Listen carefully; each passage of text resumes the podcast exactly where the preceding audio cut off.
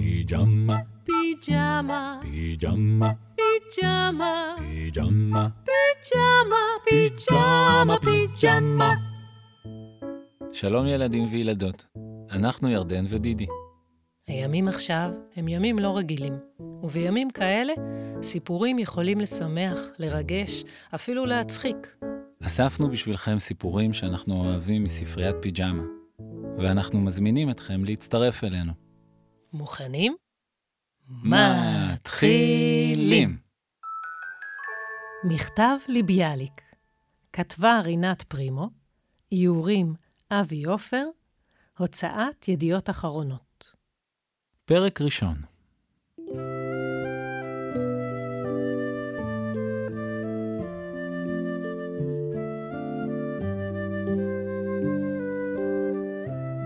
לילי לא הייתה מרוצה בכלל. אתמול לימדה אותם המורה את השיר "כן לציפור", שכתב חיים נחמן ביאליק.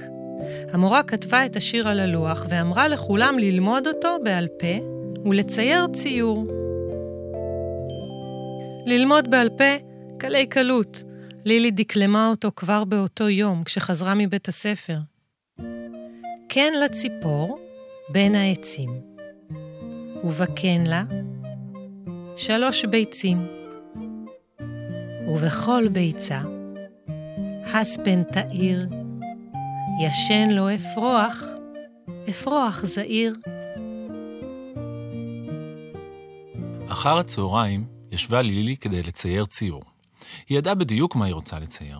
היא רוצה לצייר את ההספנטאיר, שיש בכל ביצה, של הציפור, של ביאליק.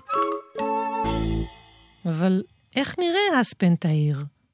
הוא בטח חיית פרא, כי לילי מעולם לא ראתה הספנטאיר בשכונה שלה.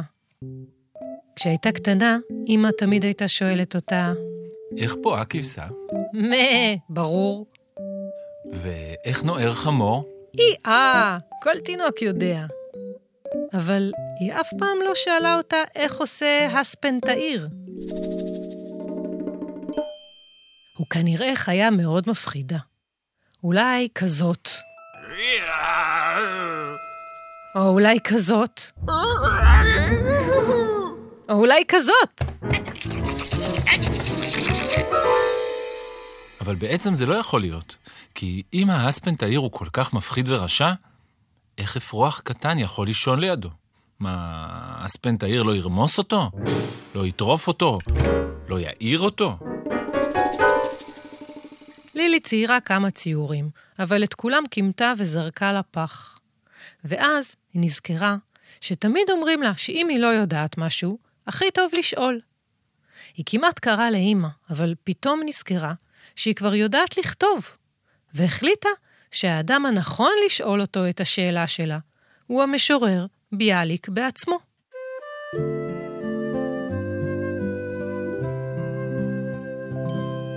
לקחה נייר לבן ועיפרון והתחילה לכתוב. חיים נחמן היקר. רגע, אולי זו לא התחלה טובה, הרי ביאליק הוא משורר חשוב, אולי הוא ירצה שהיא תפנה אליו בשפה יותר מכובדת. היא מחקה וכתבה שוב, חיים נחמן החשוב. כן, הוא בטח יהיה מרוצה ממכתב שמתחיל כך. אפשר להמשיך. למדנו היום בכיתה את השיר שכתבת, כאן ציפור. זה שיר יפה מאוד. לשיעורי הבית, המורה אלינה ביקשה לצייר ציור של השיר, אבל לא הצלחתי לצייר הספן תאיר, כי אני לא מכירה חיה כזאת. האם אתה מוכן לכתוב לי איך הוא נראה, כדי שאוכל לצייר אותו? תודה רבה, לילי. היא חשבה רגע ואז הוסיפה, גם אני רוצה להיות משוררת כשאהיה גדולה.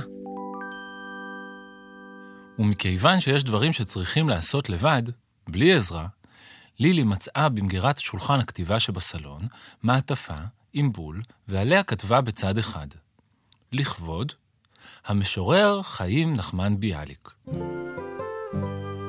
ובצד השני כתבה את שמה ואת הכתובת שלה, כדי שביאליק יוכל לענות. למחרת, שלשלה את המכתב בתיבת המכתבים ליד בית הספר שלה, וקיוותה שתקבל תשובה לפני שתצטרך להגיש את שיעורי הבית. פרק שני ניצן אהבה מאוד את העבודה שלה בבית ביאליק. אמנם חיים נחמן ביאליק כבר לא גר שם הרבה שנים, אבל הבית שלו פתוח למבקרים, וכמעט בכל יום מגיעה כיתת ילדים או קבוצת תיירים, ואין מה לעשות, מישהו צריך לנקות את הלכלוך שהם משאירים. ביום שני הגיעה לביקור קבוצת מבקרים גדולה ורעשנית במיוחד. ניצן חשבה שבבית של משורר, גם אם הוא כבר מזמן לא גר בו, צריך להיות קצת יותר שקט. גם היא כתבה לפעמים שירים, וידעה שהמילים הנכונות הן כמו פרפרים שמרחפים מעל המשוררת או המשורר. צריך להיות מאוד מרוכזים כדי לתפוס אותן בעדינות ולהעביר לדף בלי לפגוע בהן. כשהלכו המבקרים, ניצן נהנתה להחזיר את הסדר לבית.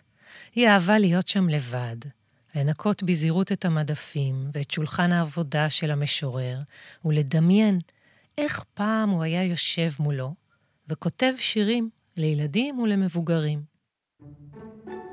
גם היא רצתה לגור בבית גדול ויפה ולכתוב את השירים שלה בלי הפרעה, אבל בינתיים, עד שזה יקרה, היא יכולה להסתובב בבית ביאליק ולהקשיב טוב טוב. אולי גם היא תמצא שם שירים שמרחפים להם ומחכים לה שתתפוס אותם. היא עברה בשקט ובזהירות בחדר העבודה של המשורר. פתאום ראתה מעטפה מקומטת על הרצפה.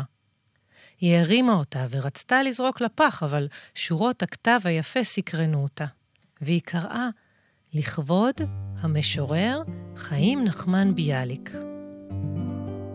היא החליטה לפתוח את המכתב. כשקראה את מה שלילי כתבה, הבינה מיד שמדובר במכתב חשוב ודחוף. היא התחילה ללכת לכיוון המשרד שנמצא בתוך הבית כדי לתת להם את המכתב, אבל אז חזרו רגליה מעצמן לשולחן הכתיבה של ביאליק. היא עברה בזהירות את חבל הקטיפה האדום, שמונע ממבקרים להתקרב אליו, התיישבה מולו, מצאה דף נייר לבן והתחילה לכתוב. לילי יקרה, קוראים לי ניצן. המשורר חיים נחמן ביאליק לא יכול לענות לך, ולכן אני כותבת לך בשמו. גם אני אוהבת מאוד את השיר "כן לציפור". זה באמת שיר נפלא.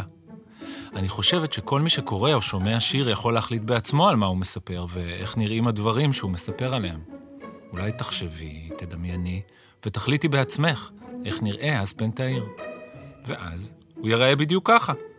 ואם תשתמשי הרבה בדמיון שלך, אני בטוחה שתגדלי להיות משוררת נהדרת. זה אימון מצוין. תודה רבה על המכתב.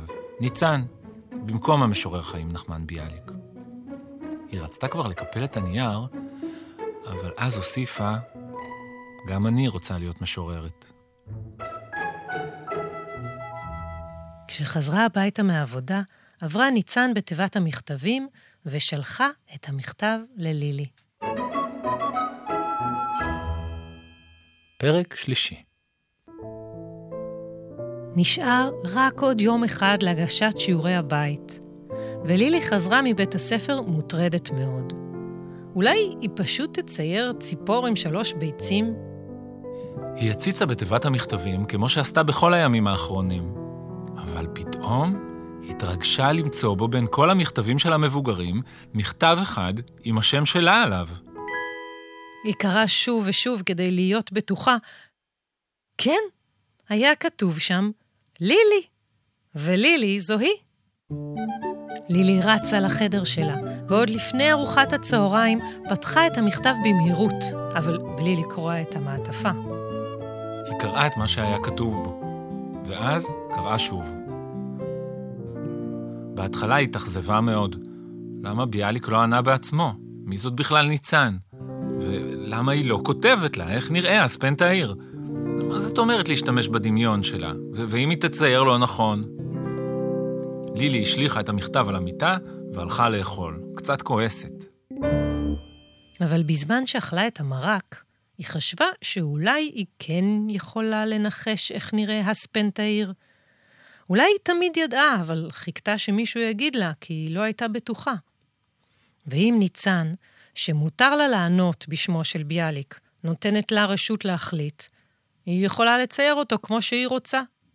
אולי זה דווקא נחמד. באמצע הכרובית כבר לא יכלה עוד לחכות. היא קמה מהשולחן, הלכה אל החדר שלה, התיישבה ליד שולחן הכתיבה ופתחה את קופסת הצבעים. לא היה לה ספק באיזה צבע להתחיל לצייר.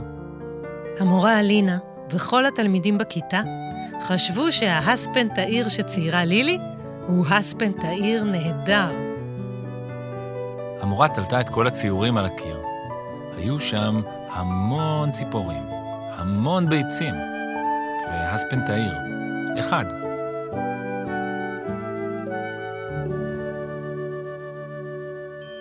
אחר כך הם למדו עוד שיר של ביאליק.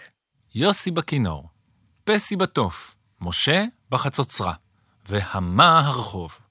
ובאו לחתונה נשים וטף, יצאו במחולות, ועמך הוקף. לילי אהבה מאוד את השיר. היא ידעה בדיוק מה היא תעשה כשהיא תגיע הביתה. היא תצייר את המה הרחוב.